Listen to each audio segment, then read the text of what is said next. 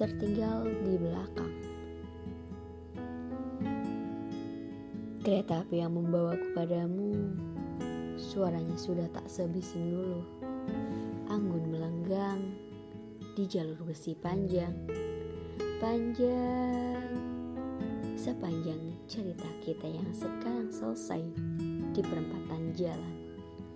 Kamu yang dulu menjadi alasan di setiap langkahku, kini hanya jadi jejak di masa lalu.